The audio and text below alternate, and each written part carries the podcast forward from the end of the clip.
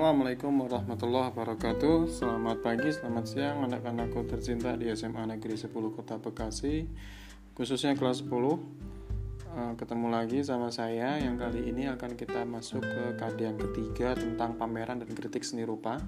Setelah yang kemarin kita sudah bahas seni rupa 2 dimensi dan 3 dimensi Mohon maaf untuk handoutnya masih belum saya bikin ya.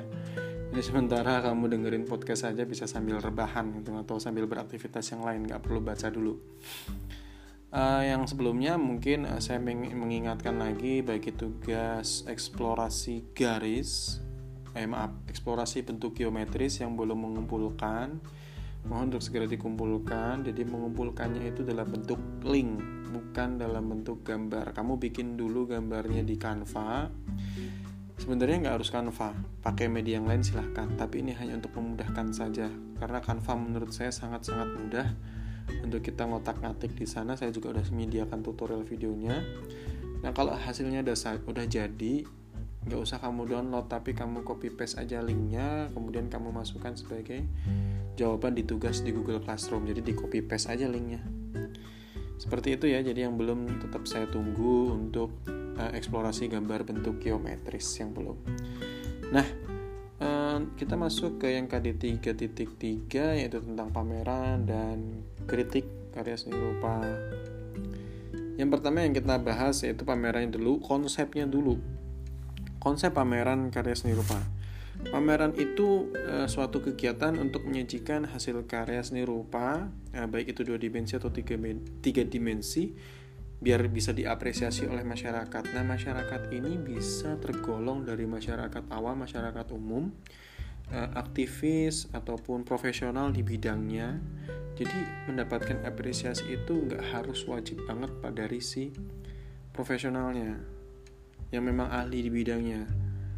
Bisa juga dari masyarakat awam. Justru eh, masukan-masukan dari masyarakat awam ini yang sangat-sangat dibutuhkan oleh si perupa atau pelaku seni tersebut karena kan segmen kita itu kan luas tidak terbatas ya. Jadi untuk menggunakan memamerkan karya seni itu kan segmennya luas. Nah pameran itu bisa diselenggarakan di mana saja ya. Di galeri uh, galeri museum gitu aula atau tempat-tempat yang lainnya. Kalau kita gimana ini nanti pamerannya? Nah, nanti untuk pamerannya seperti apa saya jelaskan ya. Yang penting kita pemaparan materinya dulu. Nah, eh, kegiatan pameran ini diselenggarakan dengan harapan karya seni rupanya itu yang pertama bisa dipamerin. Yang kedua bisa jadi terjual. Boleh beli di situ, boleh. Terjual. Nah, terus dananya itu kan bisa kita gunakan untuk bla bla bla, bisa pakai untuk kita sendiri. Eh, jadi ini sisi komersialnya atau kita bisa buat dana bantuan sosial dan yang lain sebagainya. Yang utama sih se selain untuk faktor-faktor tadi untuk keuntungan tadi yang utama sih untuk mendapatkan apresiasi ya. Apresiasi ini bisa dalam bentuk pujian ataupun kritikan dari pengunjung siapa saja itu. Jadi di dalam kegiatan pameran ini si kreator atau pelaku seni dapat bertemu langsung dengan masyarakat atau apresiator. Apresiator itu yang mengapresiasi apresiasi itu yang menilai yang menilai, yang melihat, nah, itu namanya apresiasi, kegiatan apresiasi. Nah, dalam penyelenggaraan ini e, berfungsi untuk membangkitkan seni, apresiasi seni pada masyarakat, pada hakikatnya ya. Jadi pada hakikatnya pameran seni ini berfungsi untuk membangkitkan apresiasi seni pada masyarakat di samping sebagai media komunikasi antara seniman dengan penonton menurut Wartono ini. Nah, kalau menurut Hidayat, fungsi pameran seni rupa di sekolah itu ada yang pertama, meningkatkan apresiasi seni. Ini untuk yang di sekolah, jadi segmennya untuk anak-anak. Yang pertama meningkatkan apresiasi seni. Seperti tadi, meningkatkan eh, bagaimana kita bisa menilai sebuah karya Bagaimana kita melihat sebuah karya, itu meningkatkan apresiasi. Yang kedua, membangkitkan motivasi berkarya seni. Jadi kalau anak melihat karya yang bagus, pasti dia uh, ada dua itu ya kemungkinan. Yang kemungkinan dia biasa aja, yang kemungkinan yang lain dia ikut terpacu pengen bikin karya tersebut bahkan jauh lebih bagus lagi. Yang ketiga sebagai bahan refreshing atau penyegaran dari kejenuhan belajar. Yang ketiga, yang keempat berkarya visual lewat karya seni. Jadi ini spesifik lebih ke yang bisa dilihat visual.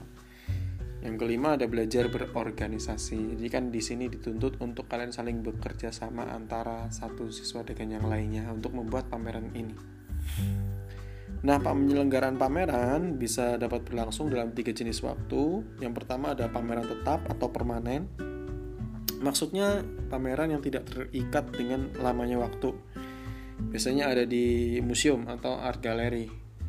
Eh, Galeri Indonesia Kaya yang di Jakarta itu termasuk sebagai pameran tetap atau permanen.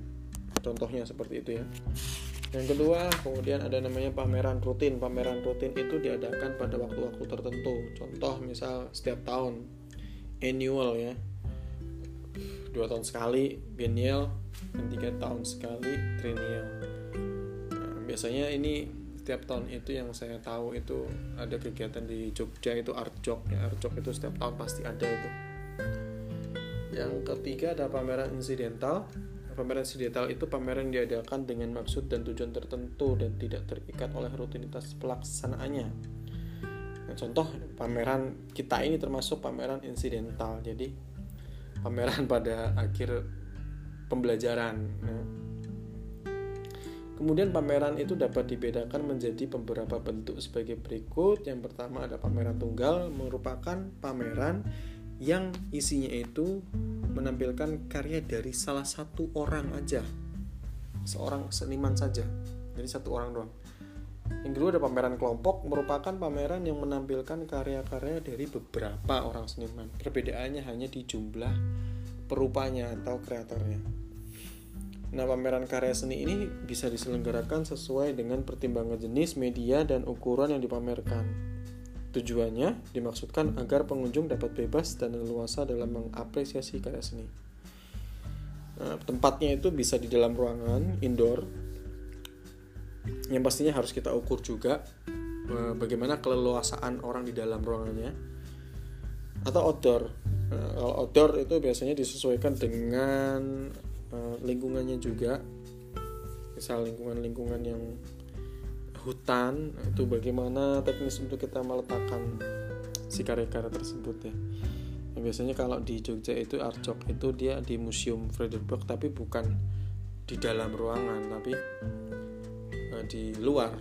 Atau di taman siswa itu juga pernah di situ taman pintar ya Kemudian prosedurnya menyelenggarakan kegiatan pameran karya seni rupa. Yang pertama harus menentukan tujuannya dulu. Tujuannya untuk apa ini? Yang kedua ada menentukan tema. Temanya apa? Yang ketiga membentuk panitiaan eh, dari penasehat, ketua panitia, wakil ketua panitia, sekretaris, bendahara, seksi-seksi. Seksi ini ada seksi karya, tugasnya untuk mensortir karyanya. Seksi humas, kemudian publikasi dan dokumentasi, seksi logistik, seksi konsumsi, seksi keamanan, seksi usaha, seksi dekorasi dan penata ruang, seksi stand. Itu tadi banyak ya dari seksi-seksi ya. Nanti untuk kegiatan kita tidak harus semuanya kita ambil. Yang penting-penting aja kita ambil nanti. Yang ke langkah yang keempat itu menentukan waktu dan tempat. Jadi kapan nih ya, untuk agendanya yang kelima menyusun agenda kegiatan. Ini biar kerjanya lebih terencana saja sih.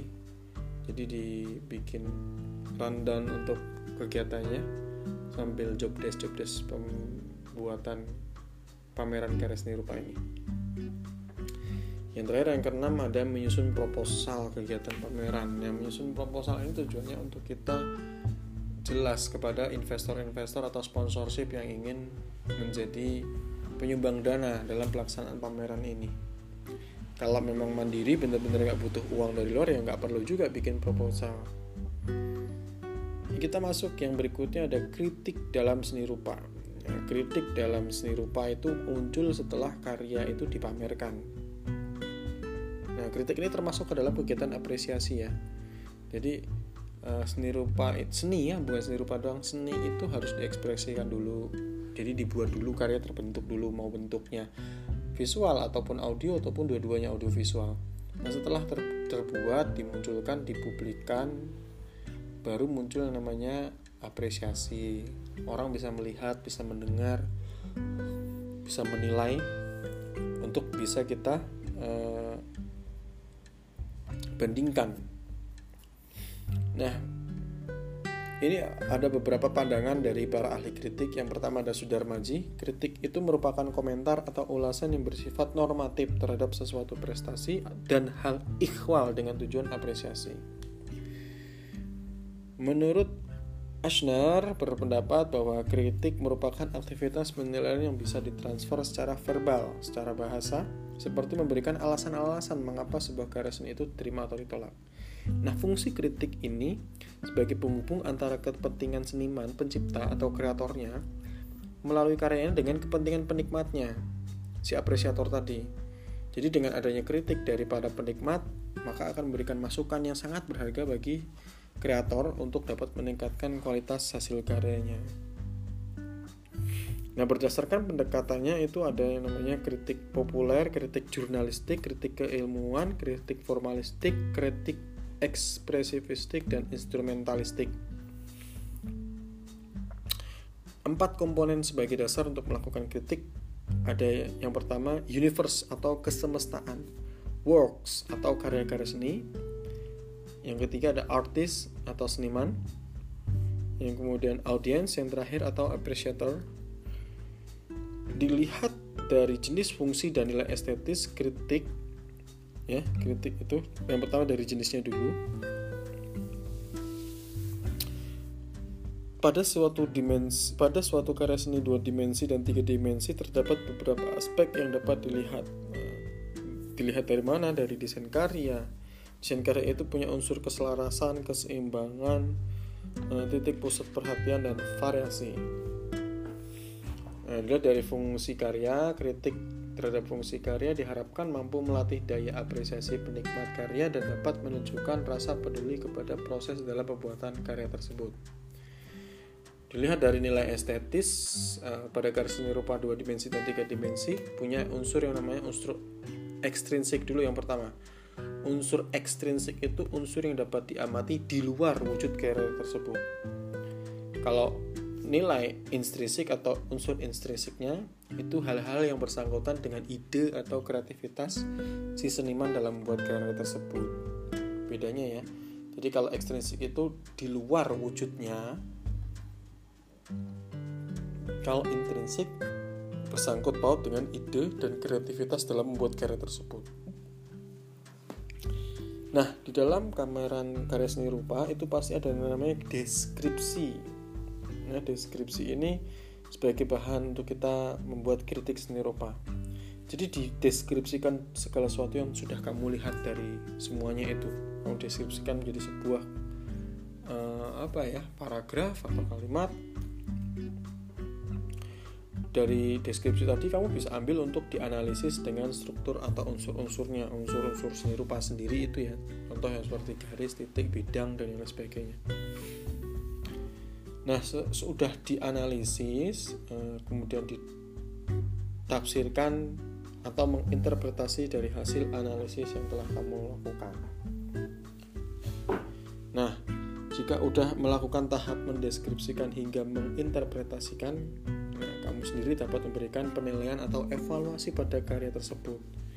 Nah, langkah-langkah untuk mengevaluasi atau menilai secara kritis yang pertama adalah membandingkan karya yang dinilai sebanyak-banyaknya dengan karya yang sejenis. Cari berarti untuk pembandingnya, bahan pembandingnya. Yang kedua, menetapkan tujuan atau fungsi karya yang dikritisi. Yang ketiga, menetapkan sejauh mana karya tersebut berbeda dari yang ada sebelumnya. Yang keempat, menelaah karya tersebut dari segi kebutuhan khusus dan segi pandang tertentu yang melatar belakangi.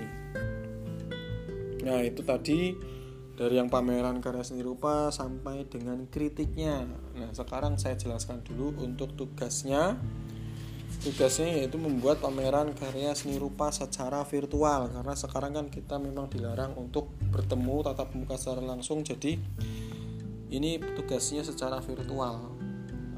Virtualnya melalui media sosial yang paling cocok menurut saya saat ini untuk pameran secara visual yaitu Instagram. Jadi kamu nanti teknisnya bikin saja Instagram per kelas satu kelasnya. Nah bisa mungkin passwordnya itu di open aja. Jadi di semua semua semua admin. Jadi admin semua bisa login. Jadi nanti bisa di uh, upload sendiri-sendiri. Atau mungkin mau dikelola satu orang itu lebih bagus lagi. Karena kan uh, seperti yang tadi saya bilang di sini harus mengkonsep tema dan tujuan jadi di Instagramnya itu nanti uh, didesain didesain fitnya biar terlihat kita bagus untuk enak nyaman melihat postingan-postingan di Instagram tadi. Jadi hasil karya yang sudah dikirimkan ke saya nanti saya download semuanya. Saya jadikan satu dalam satu Google Drive, nanti kamu tinggal download lagi. Jadi bisa di-upload, ditata dulu fitnya. Salah satu contoh penataan fit yang bagus itu ya IG-nya.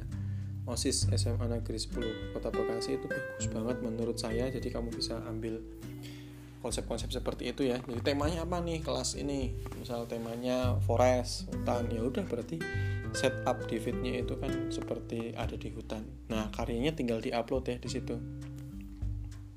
Karya tadi eksplorasi bentuk bentuk boleh diupload di sana dengan ditampilkan dimunculkan caption nama kemudian uh, mungkin ada sedikit cerita yang pengen diceritakan dalam gambar tersebut dan tahun pembuatannya Nah, kemudian hmm, bisa kamu susun untuk struktur organisasinya tadi dari ketua, sekretaris, wakil, seksi-seksinya itu agar biar tertata saja. Tapi kalau nggak bisa ya udah nggak apa-apa.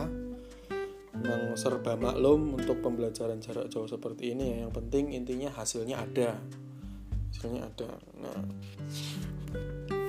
nanti eh, saya tentukan berapa lama untuk ini setelah semua terposting semua udah cut itu nah tinggal yang teman-teman yang lainnya saling mengkritik mengkritik karya-karya tadi nah kritik ini bisa langsung di komentarnya atau bisa dikirimkan ke dalam bentuk file ke saya ya. Nanti bisa kita sepakati bersama. Yang pastinya yang harus terwujudkan itu adalah akun Instagram kelas kemudian karya-karyanya terposting semuanya di sana. Nggak usah malu masalah gambar saya jelek atau bagus itu tidak usah malu karena sejatinya kalau dalam menikmati sebuah karya seni baik itu visual ataupun audio ataupun audio visual itu yang namanya bagus jelek itu perspektif masing-masing. Jadi uh, bisa jadi karya yang menurutmu jelek ternyata menurut orang lain itu bagus. Nah itulah kalau kita berbicara seni ya tidak paten artinya. Setiap orang punya selera masing-masing. Jadi jangan takut untuk memamerkan karyanya. Nanti bisa diatur saja oleh kalian semuanya gimana baiknya mau ditata satu orang atau ditata rame-rame? Yang pastinya saya cuma minta pamerannya secara virtual di dalam media sosial Instagram. Jadi karya-karya kalian semua terupload di sana. Bagi yang nggak mengumpulkan yang nggak dapat nilai simpel aja kalau saya mah. Oke okay, uh, mungkin sedikit saja dari saya. Terima kasih atas perhatiannya. Jika kamu masih ada yang bingung silahkan bisa komentar di kolom bawah ini atau bisa WA saya langsung juga boleh mohon maaf jika ada salah-salah kata. Terima kasih. Selamat pagi selamat siang. Assalamualaikum warahmatullahi wabarakatuh. Dah